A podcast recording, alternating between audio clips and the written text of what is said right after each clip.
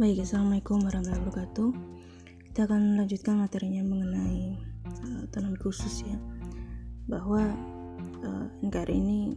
pada prinsipnya yang perlu dicermati mengakui dan menghormati satuan-satuan Pemda yang sifatnya khusus atau sifatnya istimewa yang diatur dengan menggunakan undang-undang. Terdapat uh, empat daerah yang diberikan otonomi khusus yang pertama adalah DKI Jakarta, kemudian yang kedua adalah DIY, Aceh, uh, Papua dan Papua Barat. Di mana masing-masing dari Pemda yang sifatnya istimewa atau sifatnya khusus tadi diatur melalui undang-undang tersendiri atau undang-undang khususnya. Jadi kalau kita lihat landasan hukumnya dan landasan yuridisnya untuk Provinsi DKI Jakarta itu diatur dengan menggunakan Undang-Undang Nomor 29 Tahun 2007 tentang uh, pemerintahan provinsi daerah khusus ibu kota Jakarta ya, sebagai ibu kota NKRI kemudian yang kedua kalau Aceh itu diatur uh, atau diberlakukan menggunakan Undang-Undang Nomor 11 Tahun 2006 kemudian bagi uh, Provinsi Papua dan Papua Barat itu diberlakukan Undang-Undang Nomor 21 Tahun 2001 tentang otonomi khusus bagi Provinsi Papua kita mulai dulu dengan yang pertama yaitu uh, untuk otonomi khusus untuk Aceh ya jadi pengakuan negara atas khususan daerah Aceh ini diatur melalui Undang-Undang Nomor 11 Tahun 2006 tentang pemerintah Aceh. Nah, undang-undang ini sebenarnya tidak terlepas dari eh, MOU ya antara pemerintah dengan GAM dulu yang ditandatangani uh, pada tahun 2005 itu suatu bentuk uh, rekonsiliasi ya yang untuk membuat pemerintahan daerah di Aceh ini dapat berdiri sendiri, baik secara faktor sosial, ekonomi, maupun politik. Jadi pemerintahan Aceh ini adalah uh, Pemda Prof ya dalam sistem NKRI yang didasarkan pada Undang-Undang Dasar 45 di mana penyelenggaraan urusan pemerintahnya dilakukan oleh Pemda Aceh atau pemerintah daerah Aceh dan DPRD Aceh ya, sesuai dengan uh, kewenangan dan fungsi masing-masing. Kemudian uh, salah satu hal yang dasar menjadi substansi dari undang-undang pemerintah Aceh sendiri adalah uh, diaturnya konon Aceh ya, maupun kabupaten atau kota yang banyak diamanatkan dalam undang-undang pemerintah Aceh sebagai wujud konkret ya, bagi penyelenggaraan kewajiban konstitusional ya. Nah, sebenarnya pengakuan uh, sifat istimewa dan khusus oleh NKRI kepada Aceh ini uh, sebenarnya telah uh, melalui perjalanan yang sangat uh, panjang ya. Jadi setidaknya terdapat tiga peraturan penting yang pernah diberlakukan untuk kekhususan di Aceh yaitu uh, keputusan Perdana Menteri RI tahun 59 tentang keistimewaan Provinsi Aceh, kemudian Undang-Undang Nomor 44 tahun 99 tentang penyelenggaraan keistimewaan bagi Provinsi Daerah Istimewa Aceh dan Undang-Undang Nomor 18 tahun 2001 tentang otonomi khusus bagi Daerah Istimewa Aceh sebagai Provinsi Aceh. Nah, dengan uh, diaturnya kekhususan untuk Aceh ini diharapkan dimanfaatkan sebesar-besarnya bagi kesejahteraan di Aceh dalam uh, mempercepat tentunya kesejahteraan masyarakat yang ada di wilayah tersebut ya. Dan yang perlu dicermati lebih lanjut bahwa sebenarnya faktor yang jadi latar belakang dalam munculnya undang-undang otonomi khusus ini baik Aceh maupun di Papua itu merupakan jalan tengah ya, yang ditempuh oleh pemerintah uh, eh, NKRI uh, eh, karena banyak diwarnai oleh pergolakan-pergolakan politik dan konflik kekerasan bersenjata selama bertahun-tahun serta um, kerugian moral dan material yang harus uh, diselesaikan demi kebersamaan kita sebagai bangsa Indonesia. Sehingga pola penyelesaian yang dianggap tepat adalah dilakukan melalui perwujudan pendekatan kesejahteraan atau welfare approach ya dan juga law approach atau pendekatan hukum yang berkeadilan dan harmonis yang ditempuh melalui rekonsiliasi yang panjang. Kemudian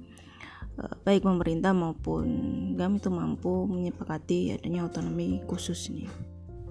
Nah kalau kita lihat dari sejarahnya sebenarnya perjalanan Aceh di NKRI sampai dengan tahun 2004 ini banyak diwarnai oleh uh, beragam yang gejolak politik yang antara pemerintah pusat dan Aceh. Kemudian menimbulkan akibat uh, timbulnya konflik uh, bersenjata dengan munculnya gerakan separasi ini sebenarnya mereka menginginkan Aceh itu berdiri sendiri sebagai negara yang merdeka dan berdaulat. Nah kemudian di masa Orba yang lebih uh, mengedepankan pendekatan sentralistik melalui Undang-Undang Nomor 5 Tahun 74 tentang Pemda ini gagal dalam uh, menyelesaikan konflik bersenjata di uh, Aceh. Jadi tuntutan GAM ini terus berlangsung. Kemudian berganti era reformasi dan uh, secara nyata ya mulai uh, nampak nih pergeseran uh, paradigma penyelenggaraan Pemda yang sebelumnya sentralistik ke arah desentralisasi. Sehingga desentralisasi ini semakin dirasakan mampu mengimbangi dari adanya harmoni dan kemauan yang berusaha dicapai oleh seluruh rakyat Indonesia. Nah kemudian setelah dilakukan upaya perdamaian yang selalu gagal, kemudian diupayakan upaya perdamaian yang diadakan tahun 2005 di Helsinki, Finlandia. Jadi terjadi MOU Helsinki tahun 2005 antara pemerintah Indonesia dengan Gerakan Aceh Merdeka yang kemudian outputnya adalah berupa Undang-Undang Nomor 11 Tahun 2006 tentang pemerintahan Aceh ya, sebagai bentuk rekonsiliasi secara bermartabat untuk menuju pembangunan ya, baik itu secara sosial, ekonomi, politik dan hukum yang berkelanjutan. Dari munculnya undang-undang tersebut tentunya banyak kewenangan yang diperoleh oleh Pemda Aceh ya di antaranya di dalam pasal 7 ayat 1 di situ disebutkan bahwa pemerintah Aceh dan kabupaten atau kota memiliki wewenang untuk melakukan pengaturan dan pengurusan urusan uh, pemerintahan dalam semua sektor publik kecuali urusan pemerintahan yang menjadi uh, mutlak kewenangan dari pemerintah pusat. Nah, sekarang kemudian kita lihat bagaimana implementasi atau realitas setelah otonomi khusus itu diberikan ya selama uh, hampir belasan tahun diberikan. Dan ini karena setiap tahunnya itu terjadi uh, dan yang begitu besar ya bagi pemerintahan uh, ekonomi. Sekarang kita akan melihat bagaimana dampaknya apakah berdampak positif atau meningkat bagi kesejahteraan masyarakat Aceh atau tidak. Jadi ini kalau kita lihat berdasarkan data yang di BPS Aceh pada awal Januari 2012 itu menyebutkan bahwa angka kemiskinan di Aceh itu malah bertambah ya, selama enam bulan. Nah, bahkan kemiskinan di Aceh menduduki peringkat pertama di Pulau uh, Sumatera yang terkait dengan uh, pengelolaan dan uh, otsus ini juga terindikasi adanya sinyal-sinyal korupsi. Nah, kalau kita lihat dari dana yang digelontorkan ya, dana otsus mulai tahun 2008 hingga 2013 secara akumulatif secara akumulatif itu sebenarnya mencapai nilai 27 lebih triliun rupiah yang diberikan untuk Aceh dalam jangka waktu lima tahun uh, terakhir ya. Tentunya kemudian dapat diharapkan dapat berdampak positif ya namun uh, dari data yang didapatkan oleh BPS tahun 2013 ternyata Aceh malah menduduki urutan ketujuh yaitu menduduki atau mencapai tingkat presentase kemiskinan tertinggi dari daerah-daerah lain yang ada di Indonesia. Termasuk juga dari hasil audit atau hasil pemeriksaan atau pengawasan yang dilakukan oleh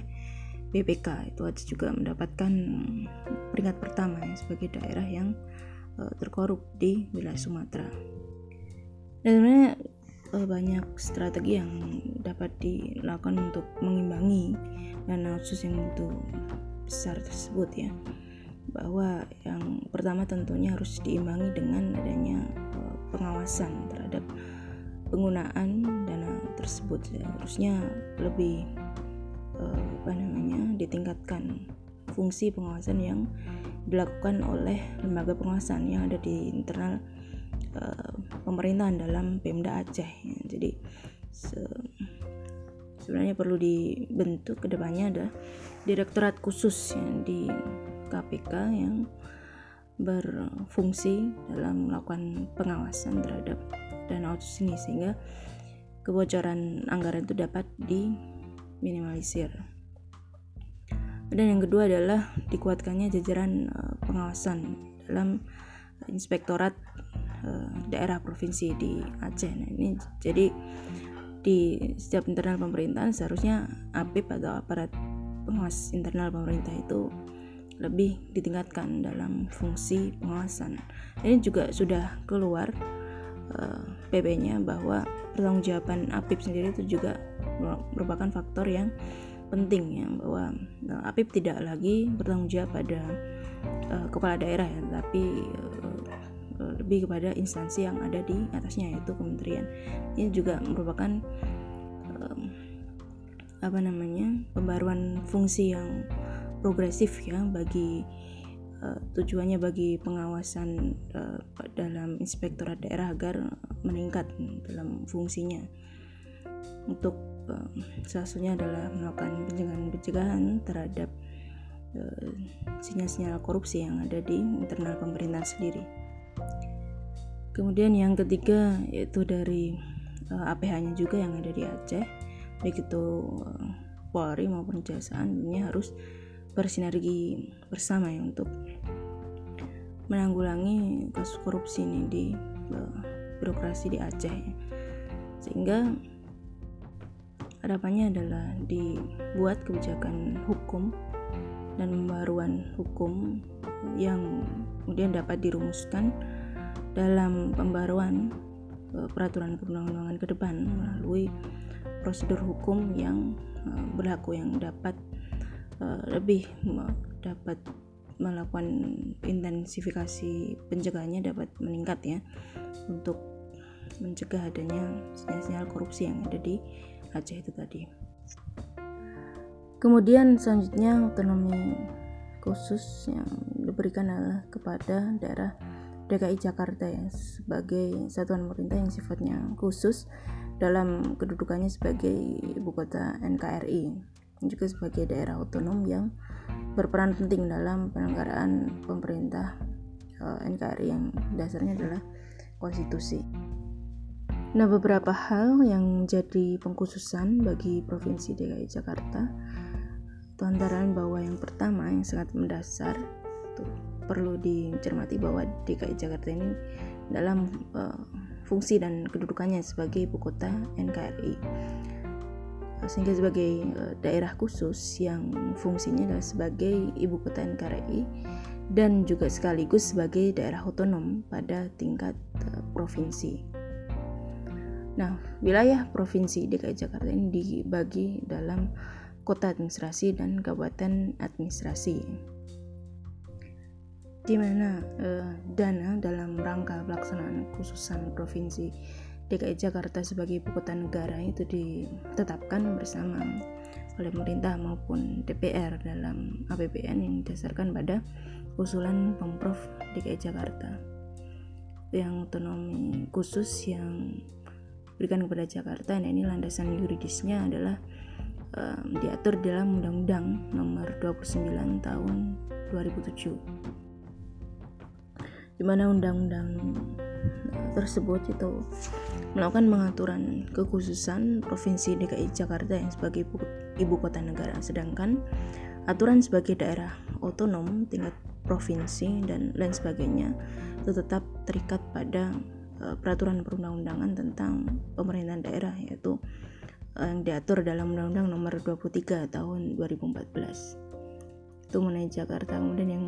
ketiga adalah mengenai otonomi khusus yang diberikan pada daerah Papua dan Papua Barat. Di mana landasan yuridis yang mengatur mengenai kekhususan daerah Papua ini diatur dalam Undang-Undang Nomor 21 Tahun 2001 hal-hal secara mendasar yang jadi substansi dari undang-undang tersebut adalah yang pertama bahwa pengaturan kewenangan yang dilakukan oleh uh, antara pemerintah dengan uh, pemerintah provinsi Papua serta uh, penerapan kewenangan tersebut di provinsi Papua dilakukan dengan kekhususan ya. jadi uh, dengan uh, diakuinya atau dengan um, apa namanya penghormatan terhadap hak-hak dasar orang asli Papua serta pemberdayaan secara strategis dan mendasar.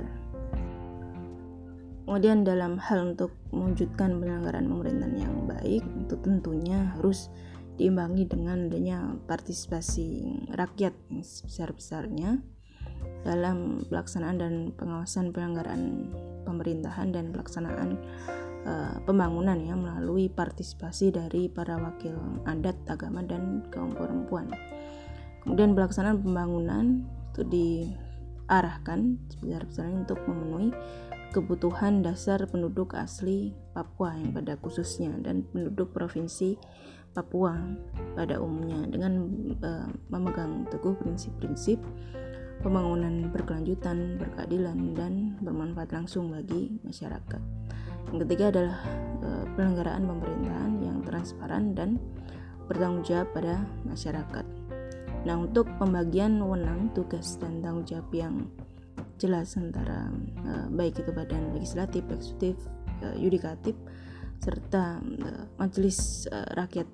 Papua ini diakui juga sebagai representasi kultural dari penduduk asli Papua yang diberikan kewenangan tertentu.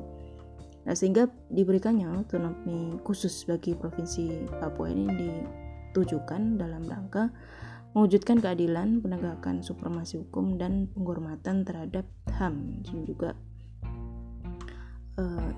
salah satu uh, tujuan yang cukup penting yaitu dalam rangka untuk meningkatkan kesejahteraan dan kemajuan sendiri bagi masyarakat uh, Papua yang dalam rangka mencapai adanya kesetaraan dan keseimbangan ya dengan kemajuan yang dimiliki oleh provinsi-provinsi yang lainnya. Nah, otonomi khusus yang diatur melalui uh, Undang-Undang tahun 2001 ini nomor 21 tahun 2001 ini menempatkan uh, orang asli Papua dan penduduk uh, Papua sebagai subjek utama. Jadi, kalau kalian cek di undang-undangnya didefinisikan bahwa orang asli Papua itu merupakan orang yang asalnya dari rumpun ras uh, Melanesia yang terdiri atas suku-suku asli di provinsi Papua dan atau orang yang diterima atau diakui sebagai orang asli Papua oleh masyarakat adat Papua. Sedangkan penduduk Papua diartikan sebagai semua orang yang menurut ketentuan yang berlaku terdaftar dan bertempat tinggal di provinsi Papua jadi seluruh penyelenggaraan maupun organisasi perangkat daerah yang ada di Papua ini semuanya seluruhnya diarahkan untuk menciptakan pelayanan yang terbaik itu sendiri dan untuk uh, dalam rangka mencapai kesejahteraan masyarakat di Papua sendiri. Nah, undang-undang ini juga uh, mengandung semangat penyelesaian masalahnya dan rekonsiliasi dengan uh, pembentukan komisi kebenaran dan rekonsiliasi di mana ditujukan untuk menyelesaikan berbagai permasalahan yang terjadi pada masa lalu dengan tujuan untuk uh, mencapai persatuan dan kesatuan nasional di provinsi Papua itu sendiri. Sebenarnya kalau kita lihat di sejarahnya eksistensi Papua ini sebenarnya tidak dapat dipisahkan uh, dari hasil PPRA yang kemudian tidak serta-merta dapat menjawab eh, permasalahan-permasalahan yang timbul di Papua, terutama masalah uh, integrasi nasional maupun integrasi politik di dalam NKRI yang masih uh, banyak mendapatkan resistensi atau pertentangan dari kelompok-kelompok yang menginginkan uh, Papua itu merdeka yang sendiri yang dilakukan oleh OPM atau Organisasi Papua Merdeka. Nah, kalau kita lihat di sejarahnya sampai dengan akhir dari periode pemerintahan uh, Soeharto ya persoalan gerakan separatis itu belum dapat dipecahkan. Jadi pendekatan keamanan atau security approach kemudian prosperity approach pendekatan kesejahteraan dan kebudayaan itu uh, dinilai uh, telah gagal ya dalam menyelesaikan gerakan separatis di Papua bahwa kemudian dengan uh, peralihan pemerintahan transisi demokrasi yang di awali dengan kepemimpinan Habibie kemudian dilanjutkan Abdurrahman Wahid dan seterusnya oleh Presiden Megawati Soekarno Putri itu kemudian disepakati otonomi khusus ya berdasarkan Undang-Undang Nomor 21 Tahun 2001. Kalau dilihat di dalam pasal 4 itu kewenangan Provinsi Papua itu mencakup kewenangan seluruh uh, bidang pemerintahan kecuali kewenangan bidang politik luar negeri, hankam, moneter, fiskal, agama, dan justisi yang kemudian menjadi mutlak kewenangan dari pemerintah pusat. Nah sebenarnya otonomi khusus di Papua ini memberikan keleluasaan ya dalam bidang ekonomi, politik, hukum, dan pemerintahan dalam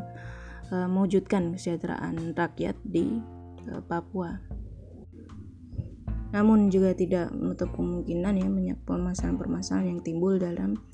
Eh, pelaksanaan otonomi khusus ini di Papua kalau kita lihat dari segi dana yang diberikan oleh pemerintah pusat kepada pemprov Papua yang kemudian tidak diimbangi lebih lanjut dengan pemerataan kesejahteraan yang ada di Papua. Nah kalau kita lihat dari uh, dana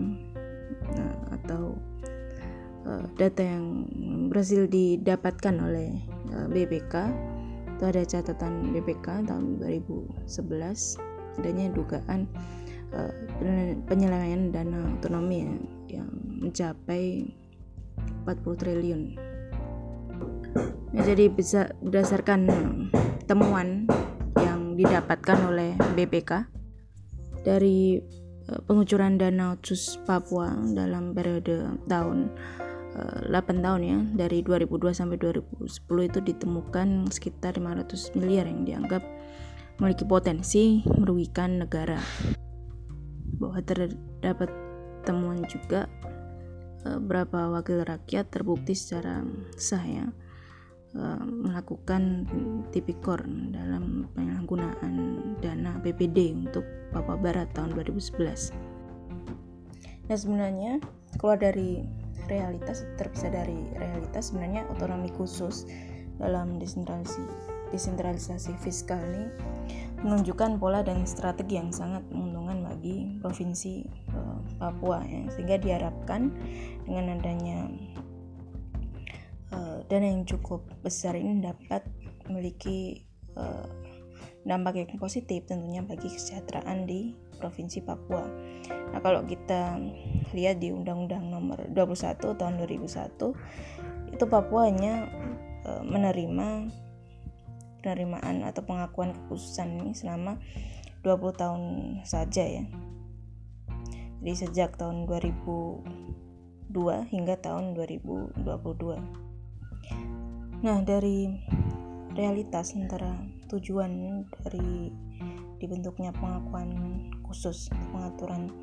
uh, terhadap ke keistimewaan terhadap daerah-daerah tertentu baik di Aceh, Papua, kemudian uh, DKI Jakarta,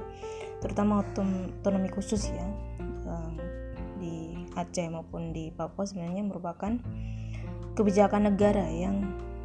tujuan awalnya adalah mewujudkan kesejahteraan rakyat di Aceh dan Papua. Di luar dari uh, persoalan korupsi yang kemudian timbul di uh, Aceh maupun Papua. Sehingga ini uh, menjadi tugas bersama ya sebenarnya untuk pemberantasan korupsi dan keseriusan para APH ini sendiri para penegak hukum. Agar diharapkan ke depannya bahwa otonomi khusus yang dihadirkan di Aceh maupun Papua ini tidak hanya dinikmati oleh segelintir elit politik maupun uh, jalan pemerintahan di daerah yang mencari keuntungan sendiri ya. Jadi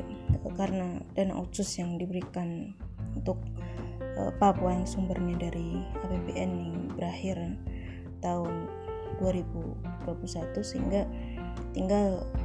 kita menunggu uh, langkah uh, pemerintah ini masih dibahas untuk pengalokasian data dana otsus apakah untuk uh, tahun 20 tahun ke depannya masih akan dilanjutkan atau tidak nah ini masih menunggu langkah pemerintah dalam melakukan pembahasan terkait dengan revisi aturan atau regulasi yang berkaitan dengan otsus yang akan diberikan untuk Papua. Nah, jika sinyal dari pemerintah keluar kemudian dalam memberikan uh, apa namanya indikasi untuk melakukan perpanjangan terhadap otonomi khusus yang diberikan untuk Papua jilid 2 tentunya harus diimbangi dengan hal-hal yang bersifat sinergi dan harmoni dalam mengawal tujuan awal diberikannya kekhususan pada Papua ini dalam rangka menyejahterakan rakyat sendiri.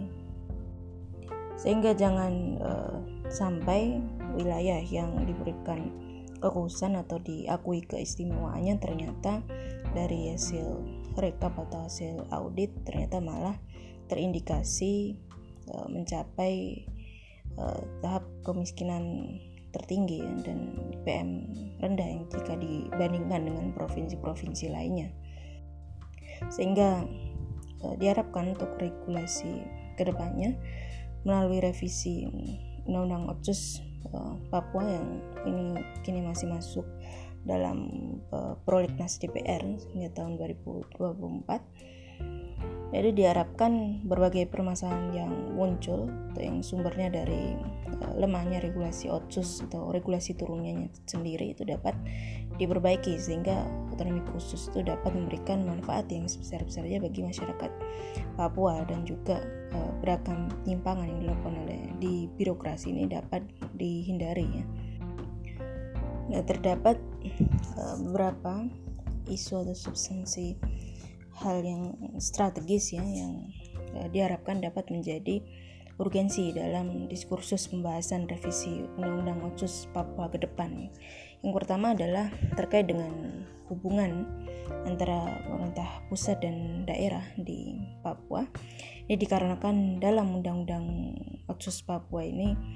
eh, sebenarnya perlu diberikan wewenang yang lebih besar bagi kabupaten atau kota di Papua maupun di Papua Barat dalam Eh, partisipasinya terhadap aspek-aspek eh, perencanaan dan pelaksanaan dan evaluasi pembangunan daerah melalui alokasi dana khusus ya. Eh, nah sehingga pemerintah pusat dengan begitu juga perlu membuat regulasi turunan otsus undang-undang otsus ini agar lebih bersifat teknis atau operasional terkait dengan tata kelola dana otsus. Kemudian yang kedua bahwa transformasi kebijakan afirmasi politik ini tidak lagi hanya basisnya hanya tes hanya etnis ya. Karena segala selama ini kan dikenal bahwa uh, pengakuan konsep afirmasi bagi WAP atau orang asli Papua menjadi afirmasi kepentingan masyarakat Papua. Nah sehingga harus ditransformasikan dalam konsep afirmasi yang uh, lebih luas lagi yang menyangkut kepentingan hak hak dasar masyarakat Papua yang multikultural. Eh, terutama dalam akses terhadap uh, tercapainya kesehatan, kemudian pendidikan yang layak dan juga kesejahteraan. Nah, kemudian tentunya yang ketiga adalah perlu dibangunnya sistem penyelenggaraan keuangan daerah yang lebih transparan dan akuntabel sesuai dengan prinsip-prinsip good governance dalam tata kelola dana otsus sehingga ke depannya bahwa pengelolaan tata kelola dana Otsus ini diharapkan dapat lebih transparan dan akuntabel dan juga uh, kebijakannya mengalir dalam uh, prioritas atau alokasi pembangunan uh, bagi masyarakat Papua. Nah, sehingga ini juga perlu untuk diabsorpsi atau diadopsi dalam revisi Otsus Papua Jilid 2 jika dana Otsus yang sudah berakhir tahun 2021 ini akan dilanjutkan lagi. Kemudian yang keempat bahwa uh, revisi otonomi khusus Papua ini perlu menetapkan uh, prioritas atau target-target yang terukur ya dalam waktu penyelenggaraan uh, sehingga kebijakan yang diterapkan uh, yang tepat dan uh, mencapai sasaran itu dapat diukur ya melalui indikator-indikator uh, yang sudah ditetapkan sebelumnya sehingga dengan dilakukannya revisi otsus Papua Jilid 2 ini uh, kekhususan yang ada di Papua dan juga pembangunan di Papua memang diprioritaskan atau secara mutlak memang dibutuhkan demi pemerataan pembangunan agar Papua dapat memiliki daya saing dengan wilayah yang lain.